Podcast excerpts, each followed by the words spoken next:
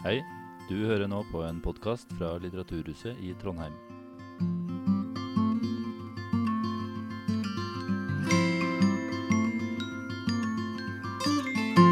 Da vil jeg på vegne av Litteraturhuset ønske velkommen til sesongens første Men er det bra? Kveldens panel består av Even Teistung, Hanna Marlene Lindberg, Sofie Anker Møller Damgård og Magnus Selsås Fjogstad. De har valgt seg ut tre utgivelser fra høsten 2021 og våren 2022 som skal settes under den kritiske lupen her i kveld. Da gjenstår det bare å gi ordet videre til kveldens eh, hovedpersoner. Gi dem en varm applaus.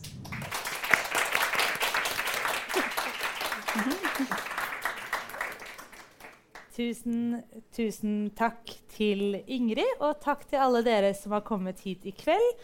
Hyggelig å se eh, mange kjente fjes og noen ukjente fjes. Det er jo den beste miksen vi kan ha.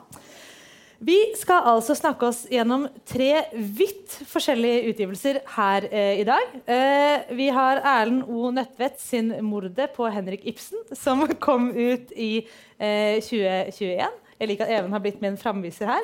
Eh, vi har Asbjørn Stenmark sin 'Krill', som eh, kommer ut nå i 2022. Og han er da altså en trønder, så vi er litt på det lokale planet. Mens Nødtvedt, for de som ikke vet det, er en vaskeekte bergenser. Så bergensk som det går an å bli, vil jeg si. Eh, og så nummer tre er altså Edel Marie Landsem sin og andre historier, som også da er en trønder. Eh, ikke roman, men novellesamling denne gangen. Eh, så det er de tre eh, bøkene vi skal snakke oss gjennom. Eh, det er bare å ta notater med alt dere lurer på. for Vi åpner for litt spørsmål til sist, for de som kunne ha det.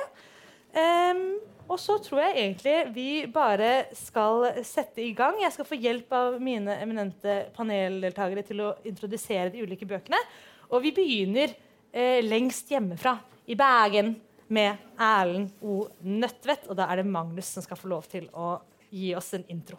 Yes. Og nå har du allerede begynt med å sagt at han er en eh, vaskeekte bergenser. Eh, det er han til de grader. Eh, han har debutert da i 2008, og så har han siden gitt ut tre diktsamlinger og nå to romaner med denne som kom i fjor høst. Og i 'Mordet på Henrik Ibsen' der møter vi da et slags litterært alter-ego av Erlend Nødtvedt. altså en romankarakter som heter Erlend Nødtvedt er forfatter og jobber på biblioteket i Bergen, akkurat som Erlend Netvedt sjøl. Eh, og i den jobben så kom han da over en eh, nedstøva kasse med noen dikt som ingen har lest før, som forteller en uh, ukjent del av historien til Henrik Ibsen når han befant seg i Bergen på 1850-tallet. Og ut av disse brevene som han finner, så skaper da Erlend Nødtvedt et, et dramastykke som han kaller 'Mordet på Henrik Ibsen'. Og Dette har han lyst til å få satt opp på Den nasjonale scene, så han tar da kontakt med Stefan Larsson, eh, som er teatersjef på Den nasjonale scene, og prøver å pitche ideen om at han skal sette opp et nytt teaterstykke. Og Da er boken eh, to deler. Det er disse mailene som denne romankarakteren Erne Nødtvedt sender til Stefan Larsson.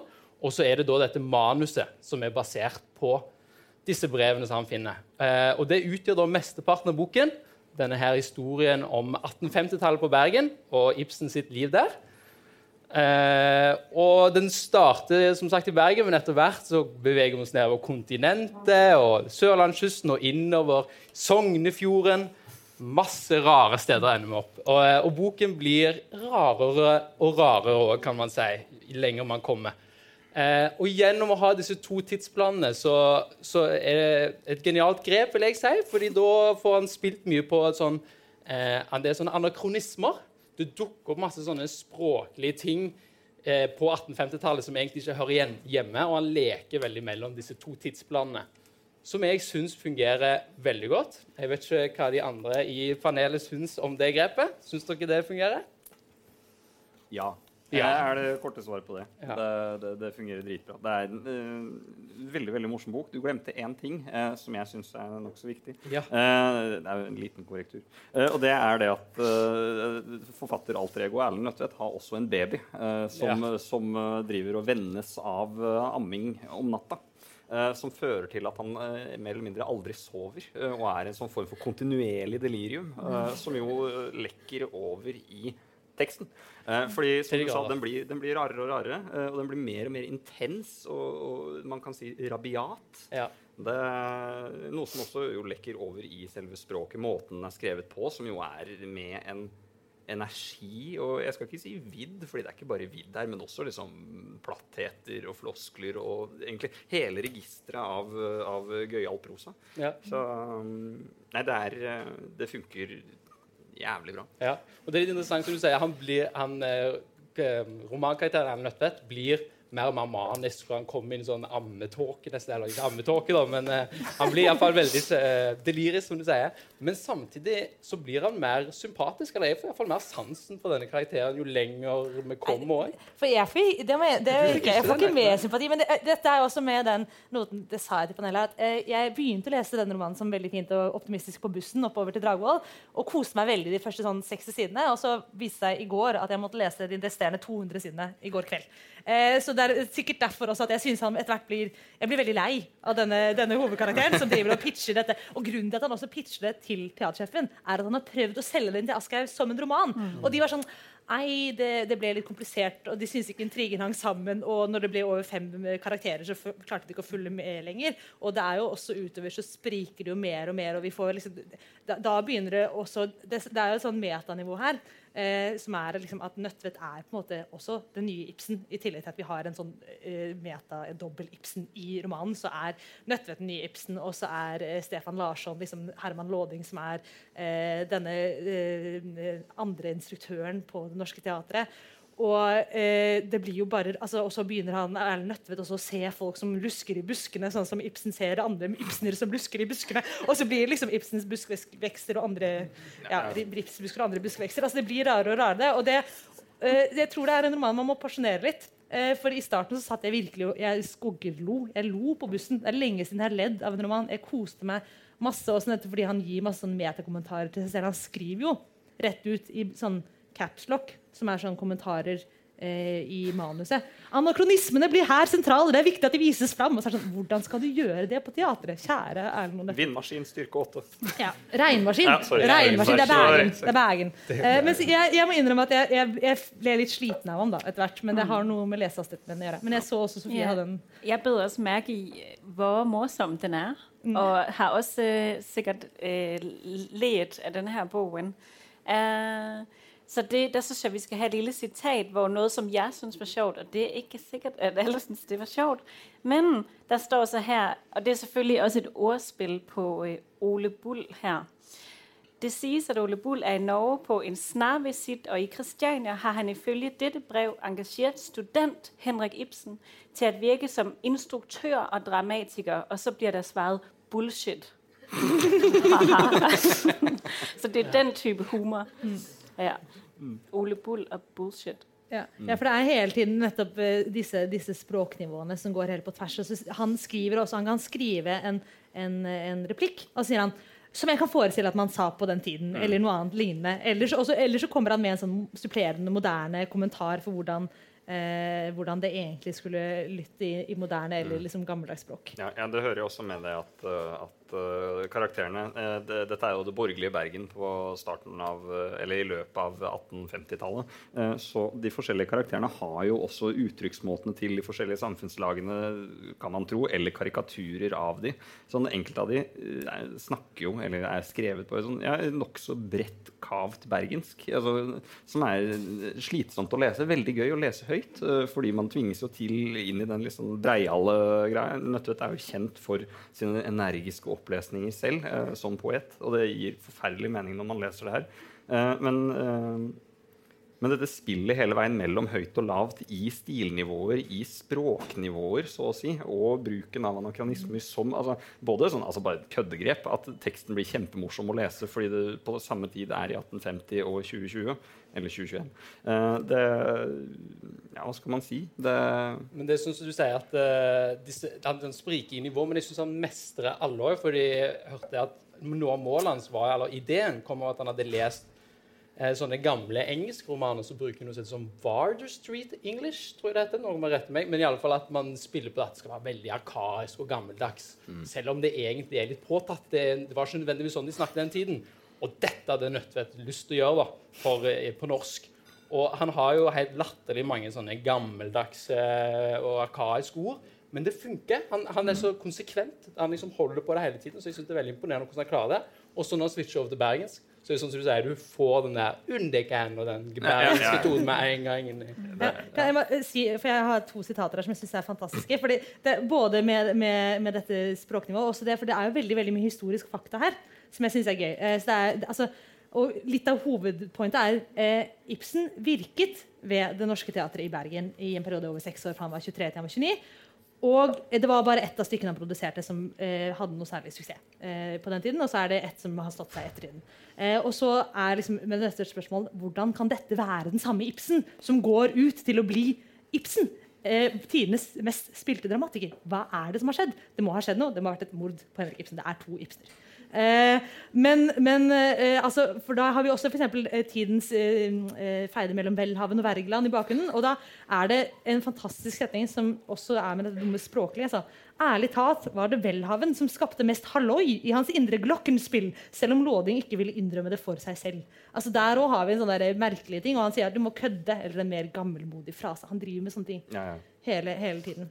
Eh, så det syns jeg er veldig mm. ja. det, Jeg tenkte også veldig mye på jeg synes, at det her er en page-turner, faktisk. Mm. Og det har sikkert noe å gjøre med den her fortellergleden. Mm. Og det her med, at det, det er så leiende, synes jeg, skrevet. Og sånn en enorm strøm av tekst. Altså den der sånn hu hvor det går, liksom. Mm. At det får man sånn fornemmelse av. den kunne ha vært dobbelt så lang, fordi det bare er sånn en, en uh, sådan mur av tekst, Er bare sånn, så det er virkelig også et univers, man sånn skal sånn, uh, tage ind over sig og byde velkommen, synes jeg faktisk. Øhm, den her kæmpe fortællerglæde, som gør det til en page-turner, synes mm. jeg er karat. Øh, og desuden så vil jeg også lige sige, når, når der snakker om øh, Bergen på 1850-tallet, så synes jeg også, man får en vældig idé om det her sådan, Bergen-leben, faktisk. Den her Bergen-livet i Bergen, og den måde, at der kan være liv i Bergen, og folk de går ut, og de møtes, og de krangler, og det er virkelig sånn uh, gang i, i utelivet, det er gang i bylivet, og mm. Bergen, natteliv også her, og kunstscenen i Bergen. Ja. Mm. Ja, Bergen er nesten en egen karakter i boken, og er liksom like levende. og det er, liksom sånn, det er jo teater de, de liksom kretser rundt, men han beskriver jo at alle smauene inne i Bergen er sine egne små teater, for der utspiller seg scener.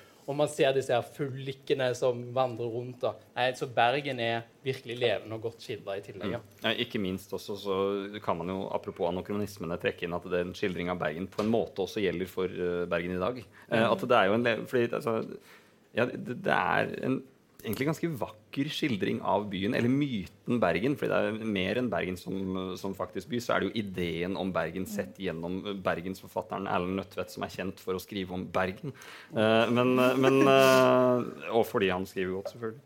Men, men, uh, men nei, det er egentlig kanskje det mer enn når det kommer til stykket. Det er humoren og folkeskildringen, eller liksom, altså stemningsskildringen av denne sånn den, anmeldelse av boka skrevet av Eirik Røkkum i Avisa Blad.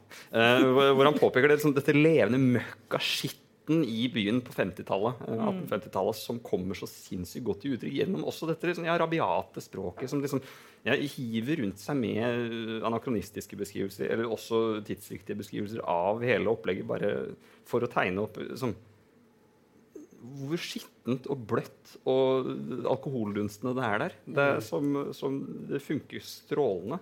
Men uh, bare for å plukke opp noe du påpekte, det med at den kunne vært dobbelt så lang, det er jeg egentlig ganske uenig i. For som Hanna var inne på, jeg blir nok litt mm. lei. Det at uh, Kanskje særlig fordi når det kommer til stykket, Det, det, det fins en intrige her. altså Mordet på Henrik Ibsen. Er, er, han drept, og i så fall hvem har gjort det, og hvordan osv. Men Eh, på et eller annet vis så opplever jeg jo strengt tatt at boka munner ut uten noen form for konsekvens. Mm. At den, når den er ferdig, så er det lek, eh, først og fremst. Og, mens historien på en måte kollapser litt innover seg selv. Mm. Og man kan jo si at ja, det er hensikten pga. dette metagrepet som fungerer som si, en krykke eller en unnskyldning eh, i, i, så måte. Men, og jeg har ikke noe forslag til hvordan man skulle løst det bedre.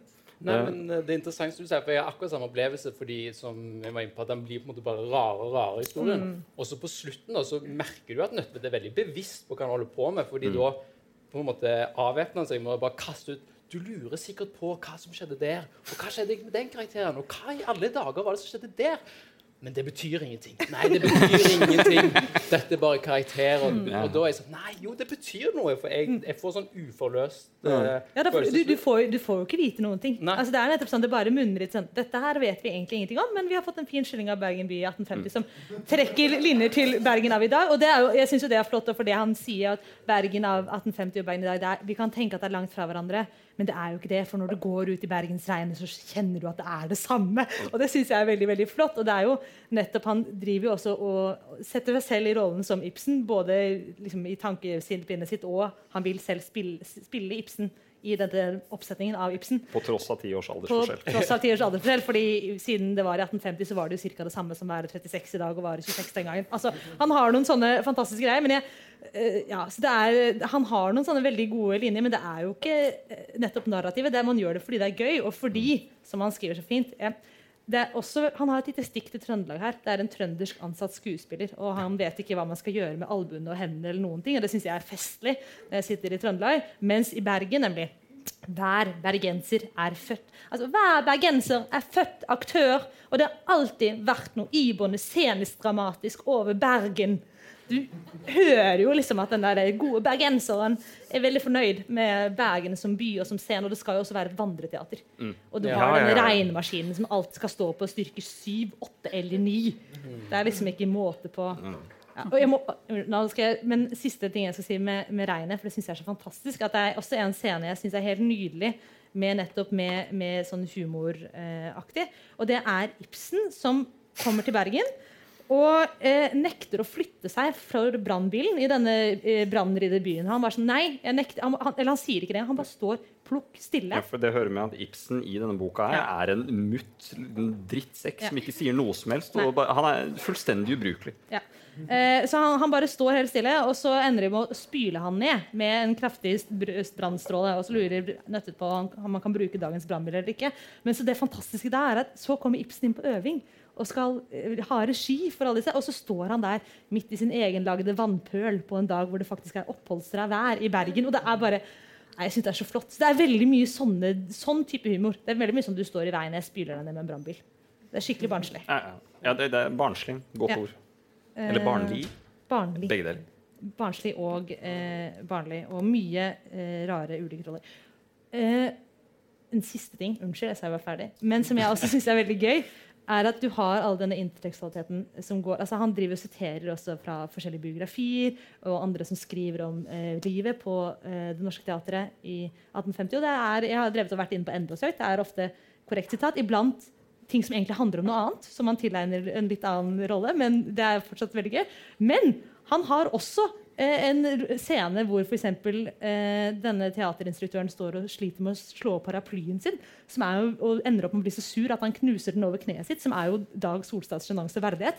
Og han går på et tidspunkt rundt og altså eh, Han føler at han eh, med denne babyen sin eh, har havnet i en småborgerlig felle hele tiden med å liste meg rundt og skjule den rasende 1800-tallsmallen i mitt indre. Og det er jo altså Knausgård i Min kamp 2, som driver og går rundt og ruller barnevogn og føler at han er en rasende 1800-tallsmann som ikke kommer ut. Eh, og som også passer bra med han skriver. Altså, det er så mye, og jeg vedder på at det er masse jeg ikke har klart å ta. Og det så, jeg syns det er gøy. Men litt mye. Ja. Kan jeg kjøpe med én siste gøy ting? Jeg, slutter, jeg, synes du klarer ikke å slutte. Det, det er, denne, hovedpersonen i boka er jo ikke Ibsen. Det er Herman Låding, instruktør ved teatret eh, i Bergen. Eh, og det som, altså, han er, han er liksom en gylne middelveis mann. Han er middelmådig i absolutt alt han gjør. Eh, og han blir latterliggjort pga. det. Eh, og han er klar over det selv. Eh, men så går han rundt og skriver på sitt store stykke som, uh, som, skal liksom, revolusjonere samtidens dramatikk, og dessuten hans ry som, som, stor poet og dramatiker. Og det heter vel. Julian Apostata, et verdenshistorisk skuespill, som er verdens dummeste tittel. Og det går igjen og igjen og igjen, og de ler, eller Nødtvedt ler så sinnssykt av det. Men det er jo mer eller mindre Henrik Ibsens stykke 'Keiser og Galileer', som jo Ibsen selv anså som sitt hovedverk, men som i ettertiden også er misforstått misforstått og latterliggjort osv. Fordi hvem faen vet hva det egentlig handler om.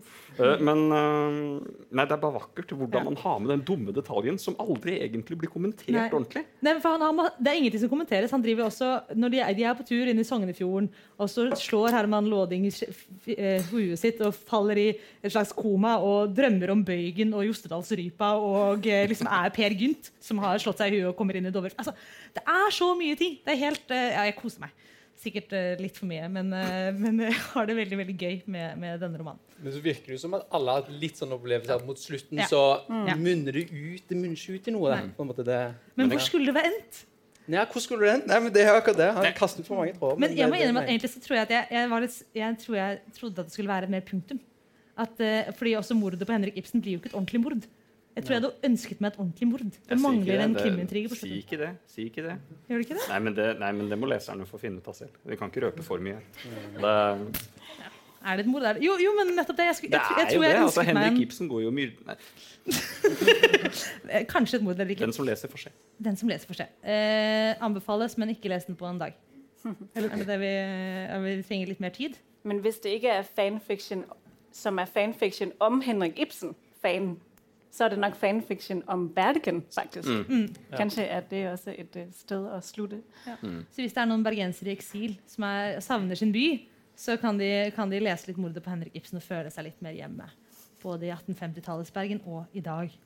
Men uten da tvil. Hm? Ja, uten tvil. Uten ja, uten tvil. Ja.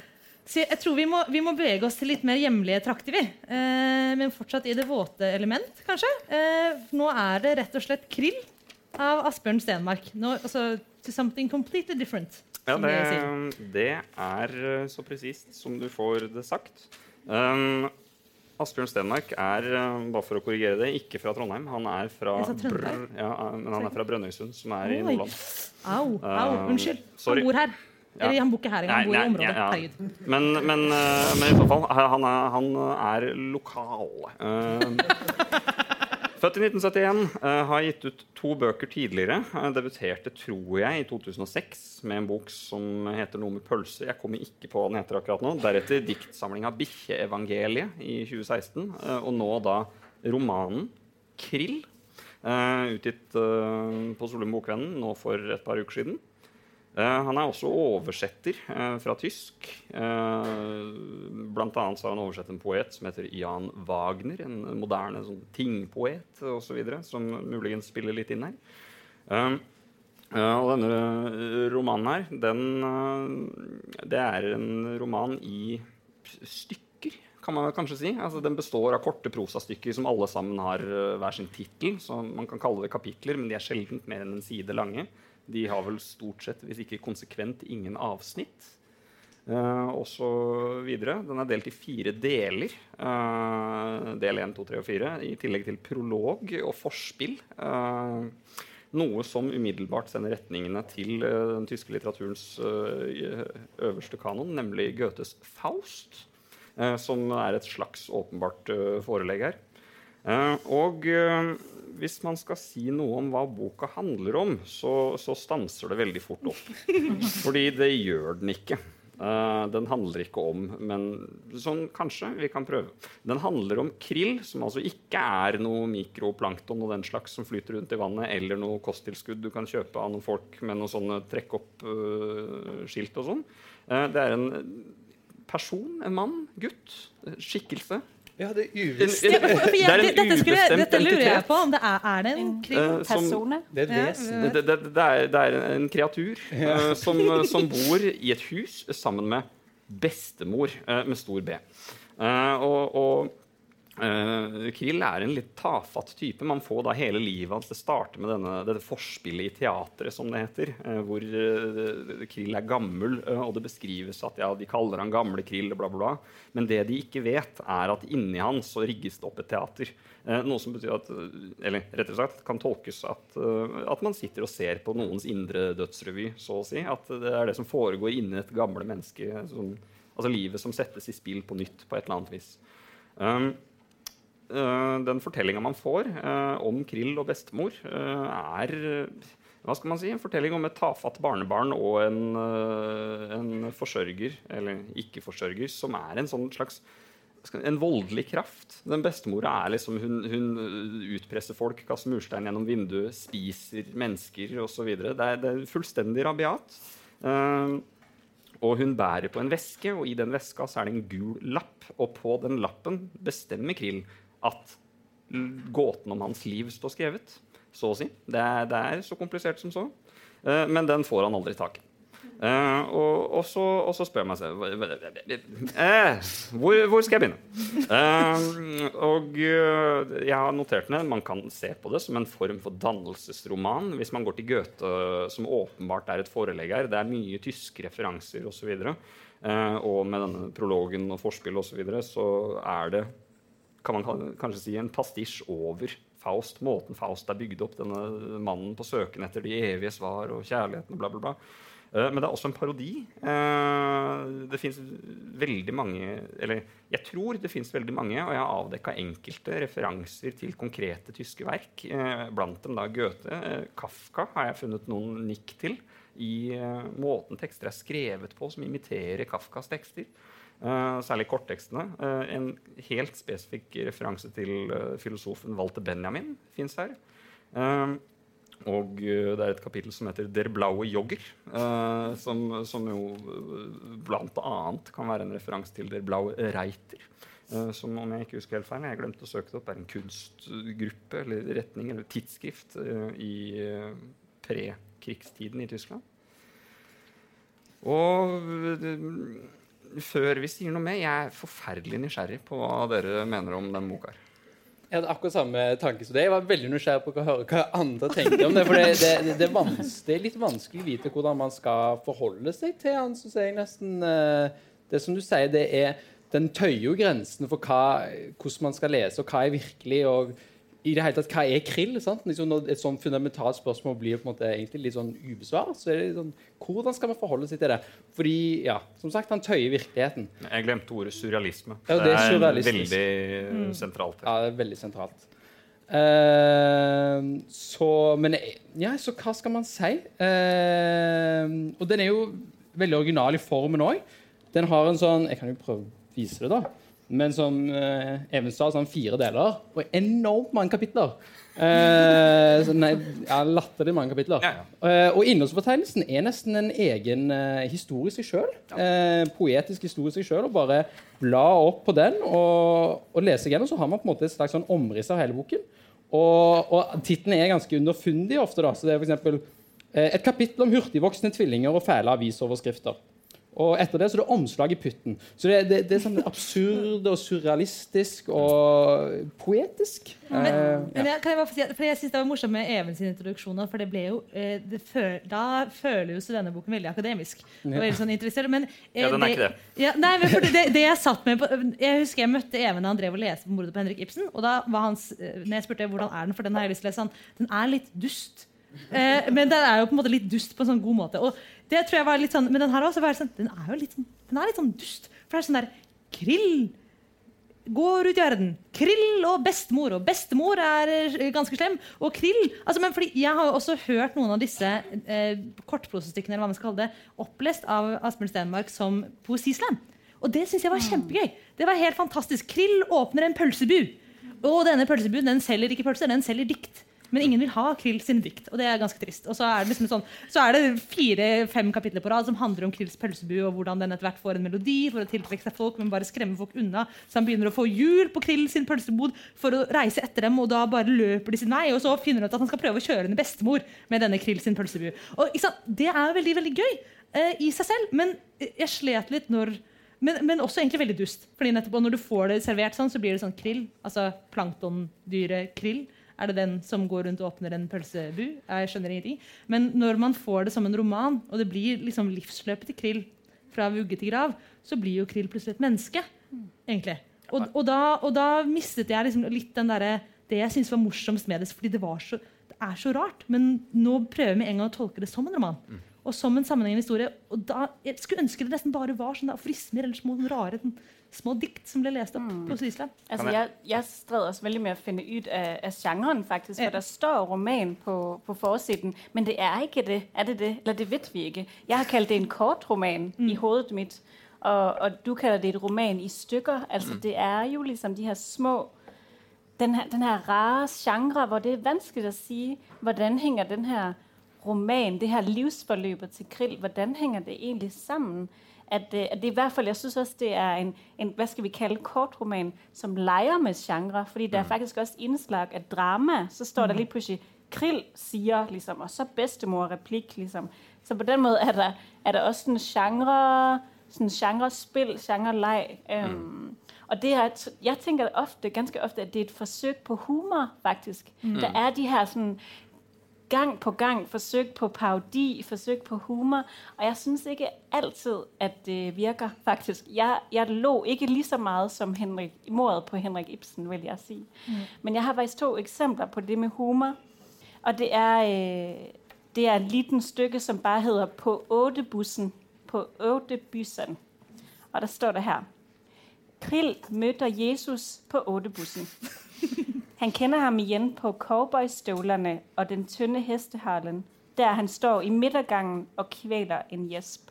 Mm. Altså, jeg tror, det, jeg tror det er for, for moro skyld. Ja, mm. ja, ja, men, men, det er det, men jeg synes, jeg synes stykkene i seg selv er moro. Det er det, jeg, jeg synes enkeltstykkene er kjempegøy. Og så ble det å sette seg ned og lese de sammenhengene. Det var da jeg ble litt sånn Men, men hva? hva, hva? Liksom. Egentlig, man skal bare gjøre sånn her, man skal bare ha den på nattbordet. Altså, før man legger seg, skal man slå opp, og så skal man bare lese det høyt. Og så skal man, lede, så skal man legge seg. Ja. Ja, men, men, men sånn, ja. Eller stå opp. da, kanskje Det er bedre å stå opp. Det er et annet eksempel også, så får vi lige eksempel to på, på en forsøkt humor, i hvert fall. Og den heter selvfølgelig bare 'sommerjobb'. Krill får ikke sommerjobb. Han mangler referanser og enhver form for tiltakslyst. Til slutt får han jobb allikevel som fugleskramsel fugleskremsel ute på en forblæst jorde utenfor byen. Selv om det er ubekvemt at stå sånn med armene strukket ut hele dagen, er arbeidet ikke så ensformigt som først antatt. Så han får sommerjobb som fugleskremsel. Det er også for moro skyld.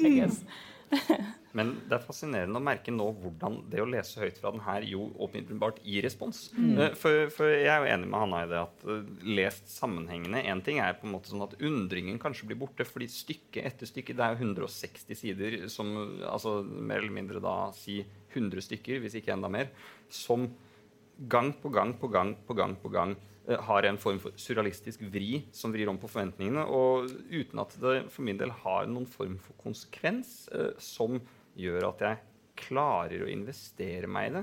For jeg syns stort sett ikke det er så veldig morsomt. I hvert fall ikke når jeg leser det, men når det leses høyt. Det, er, det har åpenbart en annen effekt. Men det er liksom Underveis i lesninga tok jeg meg å tenke at den boka reduserer seg selv til på en måte en fleip. Mm. Eh, men og dette er den viktige uh, omsnuinga. fordi jeg leste omtrent halvparten og tenkte ja, eh, hvorfor, hvorfor, forholder jeg meg til det her i det hele tatt? Uh, men etter hvert så begynte jeg å, å si, akseptere premissene for boka, eller dens egne premisser. Sånn, ok, det, det er tøysete stykker. De er jo, for det hører med, de er godt skrevne. Altså, Stenmark har en god penn. Mm. Han skriver snodig og snurrig og, og, og med mye sjarm, syns jeg.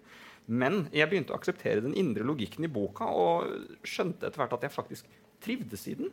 Det er ikke nødvendigvis at jeg øh, syns det fungerer så veldig godt, men det var et sted jeg likte litt å være. Det, er Merkelig nok. Det men uh, det er interessant at du sier, for jeg hadde litt sånn samme opplevelse. Jeg, etter hvert så hadde jeg, men jeg stilte meg nesten det motsatte spørsmål. Hvordan skal jeg ta dette på alvor? Og hvis jeg skal ta det på alvor, hvordan skal jeg forholde meg til det? det, det og det, det, utfordrer jo leseren veldig. Eh, men jeg klarte nesten ikke jeg klarte ikke å finne den balansen, så jeg er mer sånn samme inntrykk som Hanne. at slå opp innimellom og lese et stykke og få litt glede ut av det. Og så, og så har de jo sine eh, på en måte, Sånn som du sier, Han har en god penn. Og han, det er liksom noe poesi der òg, så jeg kan lese en liten passasje som jeg synes er veldig fin. For av og til får han veldig sånn klare, fine bilder som ikke er morsomme, mm. men bare er fine òg. Og så er det en sånn engel det må jeg si, som dukker opp eh, som En alkoholisert engel eh, som røyker og tar lange turer på byen og lever et utsvevende liv. Igjen surrealistisk. Og så er det et sted han skriver så Krill har vært på en fest, og så må han legge seg ut på verandaen. Utpå kvelden ligger Krill til tørk ute på verandaen. Han har engelen krøllet sammen til ei pute under hodet sitt og det ugjennomtrengelige mørket som et gjenspikret panorama foran seg.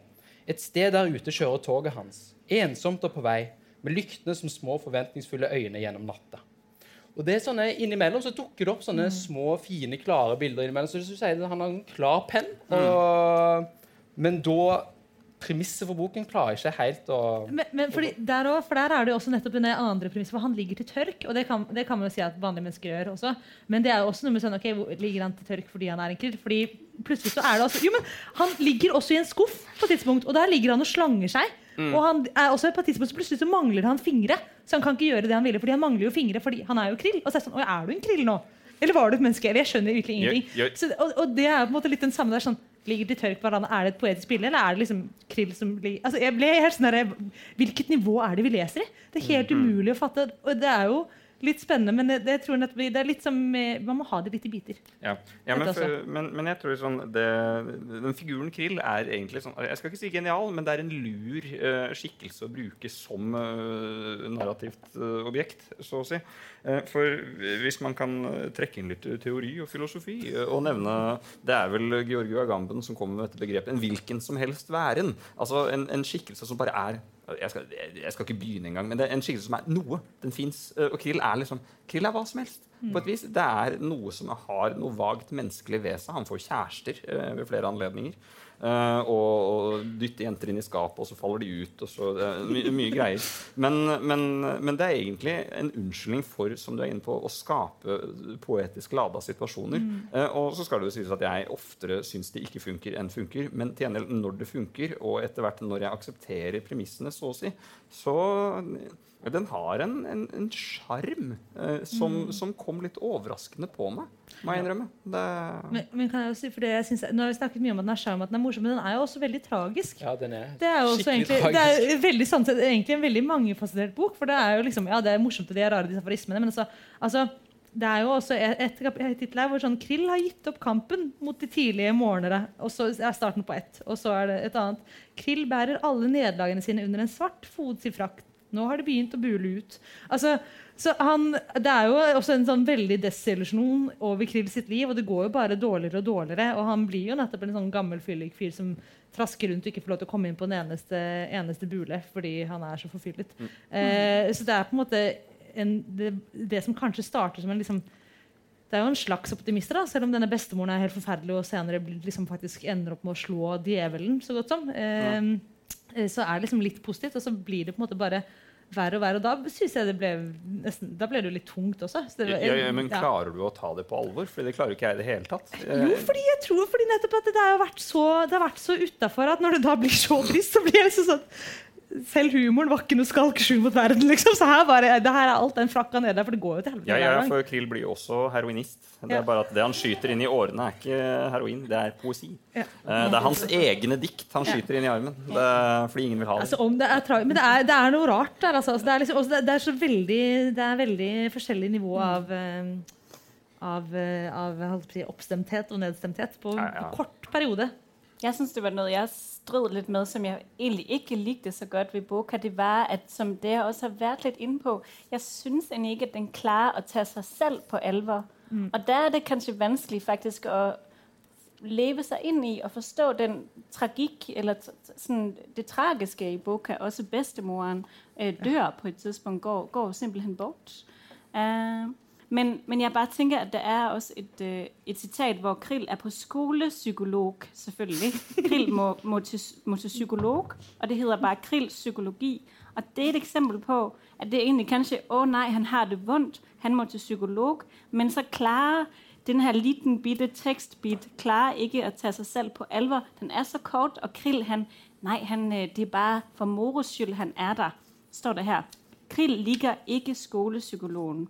Likevel går han dit så ofte han kan og hulker i stridestrømmer, for han synes de hvite Kleenex-servietterne er så myke og deilige. Det er en måte at Ok, det er noe alvor, men den klarer ikke å ta seg selv helt på alvor. Liksom Krill klarer ikke å ta den skolepsykologen på alvor. Mm. Det synes jeg er litt uh, ja, jeg hadde egentlig vanskelig med den delen mm. av romanen. Mm.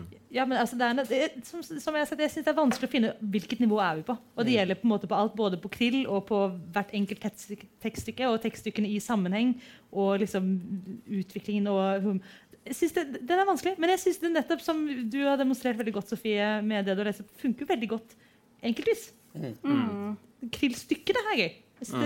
Krill er en morsom, uh, morsom icebreaker på fest. Ja, absolutt. tror jeg er min uh, tanke. Alt i roman. Alt i alt. Er det noen flere tanker om krill før vi beveger oss videre? Jeg synes vi har hatt noen, øh, noen slags nøkkelord her på banen. Du har sagt dust, Hanna, og, og du har sagt sjarme. Mm. Og så har vi også Jeg har tenkt på ordet, det danske ordet kanskje løyerlig og mm. finurlig. Mm. Altså det som avviker mye fra det vanlige eller det forventelige, ofte på en pussy måte, en, en litt weird måte. Mm. Det syns jeg egentlig passer bra på. Som det her finurlige, løyerlige ved boka. Det mm. tenkte jeg mye på. Ja. Mm. Ja. Det tror jeg var en veldig god oppsummering av, av uh, krill. Så det er eh, Vi har beveget oss i et landskap av litt, litt, dust og merkverdig. Og nå skal vi over til igjen noe helt altså jeg føler alle disse, Det er en interessant trio disse her på samme scene. Jeg tror de aldri selv hadde tenkt at de kom til å ende samme sted. Uh, Edel Maria Landsem og andre og bedre historier, noveller. Ja, som Sofie skal få Precis. ta inn. Uh, her har vi en person som Ja, Edel Maria Landsem. Andre og bedre historier. Det er 24 noveller. Og den er altså utgivet på Cappelen Dam i år 2021. Og hende her, Edel Maria Landsem, hun er født i 1982. Og så er hun oppvokst i Rindal, og hun bor her i Trondheim. Så det er en riktig uh, local, vi har fatt i her. Og så er det noveller, uh, og det er Landsems debutbog. Uh, og det handler generelt, så det, for det første kan man sige, det er genkendelig, en genkendelig setting, rett og slett. Vi befinder oss på Solsiden og Tyholt og Byåsen og Bymarka, og det er steder som vi kjenner igjen. Og så synes jeg, at det er en ganske Det er ulike noveller, 24, men det er ganske gjennomgående kvinner som taler. Kvinner eh, omkring de 40, tenker jeg. 40-alderen. En ganske, kanskje vanskelig alder når man har kan, Noen har stiftet familie, noen har ikke stiftet familie. Har en bra jobb. Men hva skal der så egentlig skje? Kanskje livet Man stopper opp og opplever en krise i livet sitt. Så det er en det er kvinner som taler. Det er vandrende, rotløse kvinner. Ofte de er på reise. De reiser til London og Paris og USA og Sarajevo. Så jeg tenker at det helt sikkert er før pandemien at man måtte reise så mye. Og så heter de Maja og Birte og Andrea. Og de er ganske neurotiske og desperate, de her kvinnene, vil jeg si. Øh, ja, og det er altså en ganske spesiell og nærsynet stemme her i boka. Språket er så liksom øh, det, er, det, er, så fokusert på små, bitte detaljene. F.eks. når man er på butikken, og så står, så står, en kvinne og studerer stripene i ekspedientens hår. Hmm, har du en grå stripe der? Så det er liksom den her sanselige, altfor detalj, detaljorientert stemme, som man også kanskje blir litt uh, træt av i, i længden. Jeg vet ikke, hva dere sier. Er det her en flott debut novellesamling, eller er det mest interessant, hvor vi må distansere og sier det er litt spesielt, liksom de her kvinner er litt spesielle, eller hvordan har dere det? Jeg syns det var en uh, imponerende debut som, uh, som, imponerte meg mer og mer jo lenger jeg leste. egentlig. For det er som du sier, at den er, den er enormt konkret. Uh, og der syns jeg hun lykkes veldig godt i å få fram de konkrete beskrivelsene av solsiden, eller uansett hvor beveger seg i verden, for det er en verden som vi blir med på i boken. Overalt i hele verden.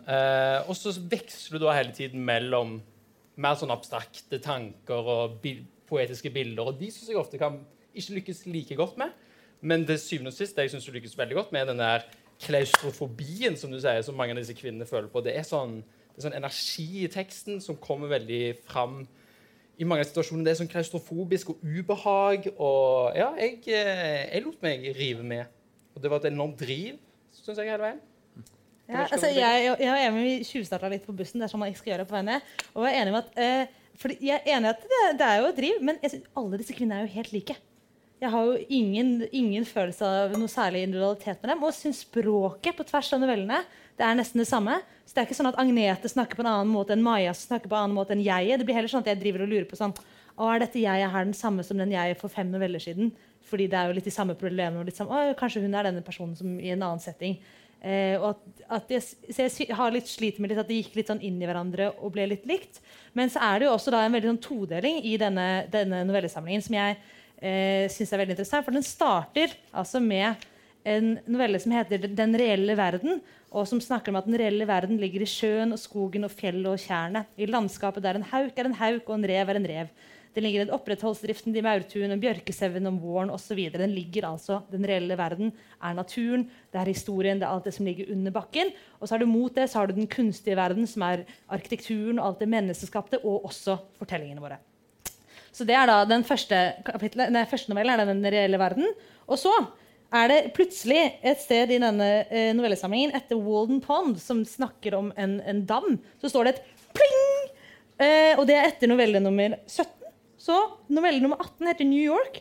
Og derfra til nummer 23, Washington Square Park, alt mellom der er forskjellige steder i New York. Og så står det igjen et pling! Og så har du en avsluttende novelle. Mellom disse to plingene så er det bare den reelle verden. Alt det som har vært før, har vært disse kvinneskjebnene som vi følger som jeg synes er vanskelige, og følger og synes er vanskelig individualiserte. Mellom plingene så har vi den reelle verden. Da har vi skildringer av forskjellige altså Vi har skildringer av Ground Zero, vi har skildringer eh, av eh, alt som ligger under bakken i forskjellige parker. Eh, og nettopp det som er historien, det som er naturen. Og det ligner mye mer på kortprosa. Og det er sånt, et, en distansert stemme som skildrer dette, her, som virker som Landsem sin stemme. Og vi er noen godtar totalt at alle at stemmen er den samme hele veien. For dette er jo kortprosaskildringer som skildrer nettopp den reelle verden, og ikke fortellinger. Uh, og det syns jeg, jeg, er kjempespennende. Og jeg synes den vekslingen hun gjør mellom hva, og så sier hun nå dette er den reelle verden, dette er de tingene, og det vi prøver å distrahere oss med disse fortellingene, og ramser opp masse elementer fra de tidligere novellene. Så det er veldig mye sånne metatrekk. Dette syns jeg er kjempegøy. Eh, mens alle de novellene hun har før der, som er disse kvinneskikkelsene, de sliter jeg mye med, med å henge på, også fordi jeg syns de er for like. Eh, jeg sliter veldig med at hvorfor skal de være så like? Hvorfor, er, hvorfor kunne altså, De skulle jo være de forskjellige fortellingene om alt det vi prøver å gjøre for å opprettholde oss og holde oss i den kunstige verden. Eh, men så er det jo først når hun nærmer seg den reelle verden, at hun virkelig kan fortelle. Synes jeg. Det var en lang rant, for å liksom, men det er, det er den todelingen jeg syns er spennende. Mens disse kvinnene synes jeg bare, de er jo de, de er der. Og det er gøy at det er i Trondheim, det er gøy at de reiser, men de er helt like. Men kan det være for å være litt på Landsems side, muligens. at det er mulig. Eh, at det er mulig. Eh, at, at hennes ambisjon nettopp ikke er å skildre distinkt individuelle mennesker, men heller å påpeke at problemstillingene på mange vis er de samme. fordi det er unektelig mange av disse fortellingene kunne vært den samme fortellinga. Både i stil, i problemstillinger og i måte de er bygd opp på, så å si også. Det at de har en person som gjerne har en form for mental hangup i et eller annet, en detalj som de borer seg inn i, og så smelter smelter det. Uh, og ene, akkurat det syns jeg er ganske billig. For det er det en ting jeg ikke liker, så er det sånne fortellinger som går mot sånn, ja, og så smelter det, og så heller du vann over hodet. Uh, på et vis, uh, Som det er et par av her. Men, men, men jeg syns jevnt over sånn det konseptuelle arbeidet, den rammen, mm. altså med starten der, som han er inne på, er egentlig grunnleggende helt helt enig. Bare samtidig som jeg tar meg tenker sånn Uh, I disse pling-tekstene, hvis mm. vi kan kalle det det, det uh, pling uh, så refererer hun jo også ja, som du sa, kontinuerlig til de andre tekstene. Mm. Så det er en mer eller mindre gjennomtenkt vev her som kommuniserer på et eller annet nivå. Særlig også gjengangeren Walden Pond, altså mm. Henry Thoreau sin mm. Walden, eller Livet i skogene, uh, som jo er et forsøk på å uh, vise at det går an å leve utenfor den konsumorienterte og på en måte teleologisk orienterte moderne verden. Og som også som, en av karakterene i en tidligere novelle leser. Og, og får et sammenbrudd. Ja, får et sammenbrudd, fordi hun vil egentlig leve nærmere naturen. Og så kommer venninnen hennes Karin og sier det først. At de skal flytte til Nord-Norge. Og da er det Karin som er den som er eksperimentell, mens hun sitter igjen og sier ja, men vi har vurdert å flytte til Byåsen for å liksom kontre med et eller annet. Men det har de jo ikke. Ja. Eh, men kan jeg bare ta et sitat som nettopp også sier egentlig dette med denne todelingen? så skal jeg ikke være, men fordi hun, også, for hun sier jo egentlig selv at dette er det hun gjør. Også. Hun sier vi omfavner hverandre med klønete fakter og sviktende knær, for vi ser oss selv som en russisk dukke. Kanskje kan vi kle av oss enda lag. Kanskje finnes andre og bedre historier. Uten fortellinger er vi virvelløse dyr, ubrukelige som mennesker. Fortellinger ligger i blodet vårt. Så hun gir jo sin egen, egen eh, forklaring på dette. her, altså. Men jeg bare synes denne pling-delen er utrolig mye morsommere. Ja, for jeg, jeg, er enig i at karakterene er like, men jeg syns det funker fordi du har både vekslingen mellom de liksom litt sånn abstrakte tankene og det veldig konkrete, og at noen av historiene er dialogprega, mens noen er mye mer reflekterte og innestengte. Så du, du, har, du, får på en måte veksling i stil på ulike vis. Men språket, ja, det, det kan være gjentagende. Men det syns jeg igjen, som du kommer tilbake på, at hun refererer tilbake til seg sjøl, gjentar de samme bildene. Og det på en måte løfte og heve teksten så jeg mer enn bryte det ned. Ja, det gir en stringens. Ja, ja absolutt. absolutt. Og så, Jeg vet ikke hva dere syns, men jeg syns de historiene som er på en måte mer reflekterende, der man er inni karakteren sitt hode, det er der å lykkes best, for der kommer den klaustrofobien mm. virkelig fram. Ja. Og du, det er liksom den destruktive kraften. Du kommer liksom på innsiden der. Mens de dialogprega, de syns jeg blir litt mer platt og mm. forutsigbare. og ja, hun er mer reflekterende enn hun er en scenisk eh, Hun er ikke dramatiker. Nei. Ja, og førsteporsjons uh, porsjons, personsfortellingene uh, er som regel de sterkeste. Så, fordi, som du sier, de, du er inni et eller annet sånn kokende hode. Mm. Jeg synes, sånn, altså, jeg synes et, En fortelling som jeg syns egentlig viser både det som er veldig bra, og det som er ganske dårlig med boka, er den uh, som foregår i en kø på butikken. Mm. hvor den består av to avsnitt. Den er litt over en side lang. Hvor det ene er, det er en dame som står bak en annen dame i kø. Uh, og, og, så ser hun at jeg, jeg, ser på henne at hun er en sånn type. Og så kommer det en hel haug med karakteristikker i én setning eh, som er av typen ja, hun drar ut i skogen og fanger en elg med henda og flår den og lager middag av den, og så fortsetter det dag etter dag etter dag at hun gjør det fordi hun er en sånn type. Eh, og så avsnitt. Så snur hun og går og kjøper seg en kilo med godteri. Og det er på en måte, Jeg syns det punkterer den intensiteten der så inderlig. Uh, at, at, jeg blir sånn Ja, men uh, kom igjen! Stopp! Ikke gjør det! Mm. Men, uh, men, men, men, veien dit er så bra. Mm. Så, og jeg syns det er et gjentagende mønster i enkelte av fortellingene her. Fordi det er, sånn, altså, er det én ting som er uten tvil Hun kan skrive. Mm. Det, og når hun er god, så er hun jævlig god. Jeg syns også det kommer virkelig bra tekst ut av den klaustrofobien og mm. den desperasjonen. Det er en slags kjempe tekstmaskine som virkelig mm. klarer å å være en tekstmaskine som genererer bra tekst, ganske, ganske enkelt. Og denne, den du nevner, er, veldig, er, et veldig godt eksempel på det, syns jeg egentlig. Um, og jeg syns egentlig også det er en poengte at stemmene er like. Uh, ja, det kan godt være, men jeg, jeg, tror at jeg hadde litt det problemet med alle disse bøkene at jeg ble litt lei. Alle sammen. Ja, ja, men, Både Ibsen, litt lei etter hvert, Krill, og så litt sånn Nå var det nok. Og hun også her. Så er det sånn Ok, nå, nå, nå, var det en til sånn her som liksom er så rar at hun, og desperat at hun ser brorens nye kjæreste og føler seg utafor, og så hiver hun vin over kjolen, kjolen sin på vei ut. Liksom, altså det blir sånn, Du må gå til ytterkanten for å liksom bare virkelig poengtere det. Og så kommer det igjen og igjen. da, og så nettopp det at, synes jeg tror jeg også det var litt mye at hun alltid er på reise. Mm. Dette av at Du er i New York og Paris og London, og så er det sånn jeg skal vise at jeg er så verdensvant, samtidig som for hun også iblant har hun sånne fraser og snakker om Men det er jo ikke det det er. Nei, men jeg blir liksom, det er ikke alltid jeg synes at det gir noe driv. Eh, og da blir jeg litt sånn, Hvorfor er det så viktig at vi er i Paris akkurat nå? Eh, på en måte, eller sånn, Fordi livet er alltid på reise. Du er på ikke-steder. Altså, du, ja. du, er på den der jævla flyplassen som er lik ja. uansett. Det kan være, men, men, så jeg ble litt lei, så jeg ble litt glad av den plingen. Ja. For da kom det, så var det liksom noe brudd, så var det noe helt annet. Da ble det noen andre historier. Men, men han er kanskje i boka faktisk har lykkes på en måte. Ja. fordi om den ønsker å skildre kvinner som er veldig lei seg, så har den gitt den følelse videre til deg. faktisk. At det er noen som er desperate. De er lei seg. De har på mange måter oppnådd det de ville, og nå ønsker de bare å lese eh, Henry David Thoreau og gå ut i livet i skogen. Og så står det her selvfølgelig The mass of men lead lives of quiet desperation. Og det tror jeg faktisk er en slags nøkkel til denne her mm. teksten. Mm. Mm. De her kvinner, det er præcis det, de gør. Mm. De lead lives of quiet desperation. Og det er netop derfor, mm. at det ikke er så vigtigt, om de er i Paris eller Sarajevo, eller hvor de er. Det er, at de er væk fra hjemmet, og de vil til Nord-Norge eller Byåsen, eller hvor de vil flytte til. Mm. De vil bare væk, fordi de er desperate, og de er så lei av denne ekspressomaskinen, om den skal være rødt eller hvidt. det er det store spørsmål, åpenbart åbenbart, når man er 40. Og så blir det ekstra desperasjon. Sant? For de reiser ut, de reiser vekk, men de finner ikke noe svar. Sant? Det er liksom ingen svar på hva, hva, hvor er det de skal videre, hva, mm. hva, er det de skal gjøre. De på en måte bare flakker De søker mot en eller annen frihet, men de finner det liksom ikke. Så det blir veldig sånn Og det er jo veldig tydelig nettopp i de, de interessene hun velger å ha helt synlige, som er jo det vi tror og Sisyfos-arbeidet. Eh, altså, hun drar jo noen veldig sånn tydelige linjer. Men jeg tror, det, jeg tror er det sånn Ja, nå, vi, vi, vi, har, vi har den.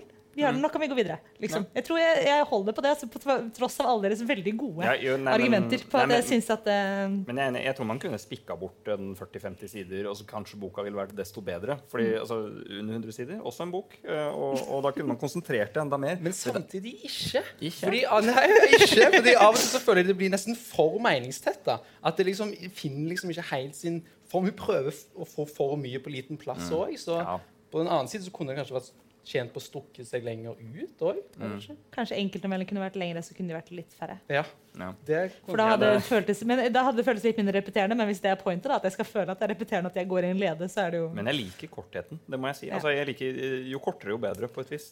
Inntil et visst punkt, selvfølgelig. Men jeg liker den, eh, særlig de tre-fire første. Alle er veldig korte. Mm. Det er snap igjennom de på et par minutter. Og mm. likevel så kjenner du sånn Du kjenner ja, klaustrofobien, intensiteten dem imellom, og mm. ikke minst at det er åpenbart at hun har en plan dem imellom. Mm. Allerede helt fra starten så skjønner du sånn Her er det noe på gang. Mm. Det, I, i den sånn, ja, søken etter den fortellingen nummer to heter jo 'Jeg vil være en hauk'. Mm. Uh, og den tredje er uh, The Goldfinch osv. Hvor det er sånn hele tiden sånn, en mm. dragning mot å være natur og ikke være tenkende kaffemaskinbrukende menneske. Ja, mm. og likevel også, det Særlig det med å være observerende. I den 'Jeg vil være en hauk' så handler det veldig mye om det at hun, hun ser og hun hører og hun lukter. og Hun, er, liksom, hun underliggjør verden rundt seg. Da. Hun ser det med et nytt blikk hele tiden. Eh, og det gjør det jo også. Det syns jeg egentlig var et fint grep. At det er en roman med, eller en novelle med uvanlig med sanser. Mm. Det er veldig ofte at man leser bøker, så er det liksom ikke nødvendigvis at det er så mye spill. Hun hører og lukter eh, veldig mye. Det setter jeg pris på. Og smaker. Mm. Eh, og liksom, hun er veldig i det taktile og i sansene våre. Og det syns jeg er veldig gøy. Det synes jeg er en morsom, Og det går på tvers. og det men åh, det er også et aber jeg har kommet på nå. fordi det er veldig ofte sånn Jeg hører, jeg ser, jeg går. Og noen av disse tekstene føles liksom som skriveøvelser. Ja, ja, synes jeg da. Det ja. blir veldig sånn der, Hun skriver også sånn at å, jeg skal bare skrive så mye jeg kan uten å være kritisk. og skal bare få det ut, lala, Som er en veldig typisk sånn skriveøvelse. Mm. Sett klokka på tre minutter, og så bare skriver du uten å være kritisk. Og det samme er den derre jeg husker, eh, jeg går at du liksom det, er, ha, det føles som hun har noen sånn skrivekurs hun har fått eh, som hun skriver ut. Og så er det noen av dem som har fått bli med inn. Uten mm. at det kanskje Noen ganger funker det, andre ganger ikke så mm. mye.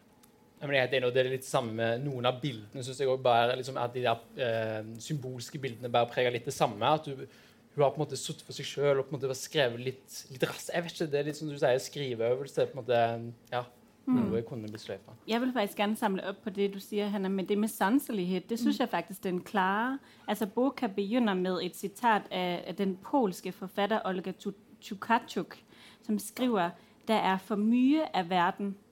Man burde heller forminske den, ikke utvide og forstørre. Og det er faktisk det samme. Det er også noen kvinner som er helt overveldet av denne verden. Det er for mye av verden. Det er for mange små detaljer man kan se overalt. Og, og lukte og smake rundt seg. Så det er den her kjempesanselighet som jeg syns hun rammer egentlig mm. ganske bra. Jeg, jeg, tror, jeg, tror, det er noe av min favoritt med boka. faktisk. Ja, sanseligheten. Mm -hmm. Og hun har jo en egen del sånn på slutten. De siste det er pling etter pling. Mm. Det, er jo, eh, det er jo det sanselige, det på en måte bare konkrete beskrivelser. Det observerende mm. som, er, som går igjen. Jeg oppfatter de små tekstene til sist som en slags eh, små hyllesttekster til New York City. Altså, det er mm. Washington Square Park, mm. og det er ja, for, Det syns jeg også er gøy, fordi det er jo der hun liksom prøver å snakke om den reelle verden, samtidig som hun fortaper seg i kanskje den mest menneskeskapte byen av alle. Det er en veldig sånn fin mm, dualitet i den. I, jeg, jeg, liker de bitene så godt, altså. Mm. Så jeg, det, det var sånn derre det her er veldig gøy. Og så skjønte jeg først ikke hva den pling var for noe. Og så var jeg sånn, og så var jeg sånn herregud, dette reelle verden, for det kommer igjen og igjen. Og så plutselig måtte jeg bla tilbake til starten. da. Mm. Og så var jeg sånn, herregud. Og da, og da likte jeg den også bedre, for da var det noe med denne komposisjonen som er nettopp Vi starter opp med sånn Hva er den reelle verden? Hva er fortellingene? Hva er historien? Hva er naturen? Og så kommer alle disse kvinnelivene som er fanget kanskje nettopp i det materielle, det menneskeskapte, det som ikke er den reelle verden. For vi har fjernet oss fra dette, og så kommer den pling! Den reelle verden, Men den fins også i den skapte verden. For den fins også i de historiene vi hadde nå. Hvis vi knytter det sammen, så, altså, da koser jeg meg. Så det er på metanivå kjempegøy. Jeg oppfatter de der pling som små eh, fotografiapparat. Ja. Altså de her små hyllestekstene til New York City, det er øh, postkart, ganske enkelt. Mm. Sånne små postkart man sender ut. Hei, kære venn hjemme i Norge. Nå er jeg i Washington Square Park. Det er så gøy, bla, bla. Så det er sånn pling. Altså, jeg tar et lille snapshot fra New York. Det var den måten jeg så det på. Og så er det rett riktig at det er en lengsel i boka efter naturen. Kanskje den, den du kaller den den reelle verden, og vi har snakket om livet i skovene til Thoreau. Men i virkeligheten så ender boken i New York City, den mest menneskeskapte byen av dem alle. Så på den måten er det også et feilslaget prosjekt. Om det er kvinner som ønsker å komme seg ut i naturen, da ender de i New York. Og det er Men, jo men feil. det er jo for å vise at naturen også er i New York. Ikke sant? Det reelle er også der, bare under. Og så må vi se forbi de overflatiske historiene og ned i det dype. Ja. Men så må vi ikke glemme også at rett før det første blinget, så er det jo den fortellinga Ja, som bare heter Walden Pond, som jo er den reneste stedsbeskrivelsen i hele boka. Det er jo kun egentlig, det er en halvannen side vel, eh, beskrivelse av Walden Pond.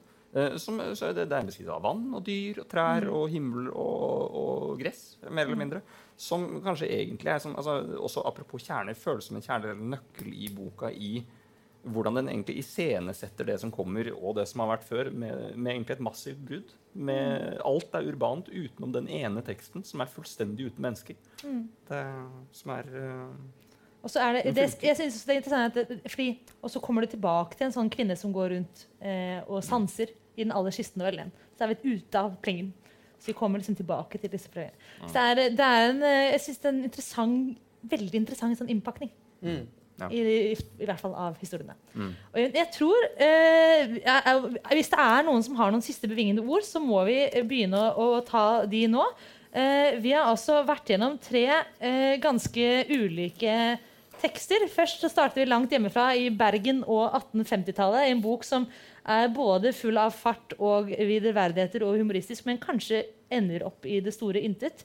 Før vi gikk inn i en eh, tekstsamling som igjen kanskje fungerer bedre i sine deler enn i sin helhet. Og vi endte opp i en novellesamling som jeg mener fungerer bedre i sin helhet enn i sine deler. Så det er eh, bevegelsen vi har gjort i dag. Jeg vet ikke om noen har noen siste bevingede ord fra panelet? Ja, veldig fin Det oppsummering. var, Da tar vi det som oppsummering. Men vi åpner jo selvfølgelig på for spørsmål fra salen. Så er det noen som har noen tanker? Så kommer Ingrid rundt med mikrofon, så alle kan høre hverandre. i så fall. Men det er jo, dette har jeg lært etter langt at egentlig så må man som foreleser la dere få tid til å summe med hverandre, og så kan dere tørre å stille spørsmål høyt etterpå. Eh, så vi kan også si at det er lov å komme Siris. bortom Nei, Siri! Siri tør. Hallo. Hallo. Ja, du starta jo krill-sekvensen så fint med å vite ikke, Eller ikke helt vite hva du skulle si, så jeg bare lurer på Har panelet klart å samle tankene sine litt mer etter diskusjonen du hadde?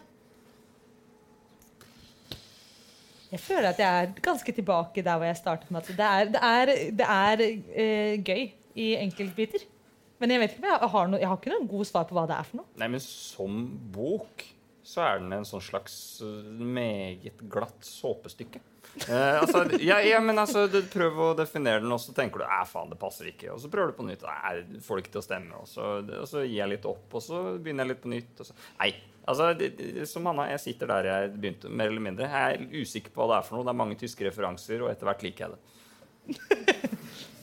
Det er også da en referanse til pukkelryggen, som er Evens favoritt uh, hva si, Motiv. i, i moderne litteratur. Så det er nok der det kommer fra. Ja, Ja, jeg, jeg har litt det samme. At jeg sitter også igjen der jeg starta. At eh, den er god i små porsjoner, og så um, klarer jeg ikke helt å ta boken i sin helhet på alvor. Nei. Mm, Jeg sitter med en, en ganske tung følelse, faktisk. En, en, den er, jeg synes, de er små, det er små, korte tekstbiter, men de er liksom tunge i enden. ganske ofte så forsøker de å være litt humoristiske på slutten, som vi også har talt om. Er det, er det gøy eller ikke? Og det lykkes ikke alltid. Men en del av de små, bitte, bitte biter her, de, så ønsker de liksom å slutte med sånn en slags mm. Og det funker bare ikke. Så jeg hadde en, åh, en tung følelse kanskje etter jeg har lest denne her. De der små, korte bitene som egentlig ikke skulle være tunge, for så vidt. Så det, vi, har, vi, har, tydeligvis klart å sitte her og diskutere i 20 minutter og blitt ikke noe klokere. Men, uh, men uh, kanskje likevel. Er det noen andre som har noen spørsmål? Vet du hva? Da sier vi tusen takk for oss. Tusen takk til et fantastisk panel. Og takk til et velvillig og hyggelig publikum. Og så er det da en ny, men er det bra? den 28. april. Jeg tror jeg har datoen eh, riktig da. Så da håper jeg at dere vil komme tilbake. Det blir publisert hva slags bøker det blir, ganske snart. Så det eh, håper jeg ser noen fjes igjen da. Så takk for nå.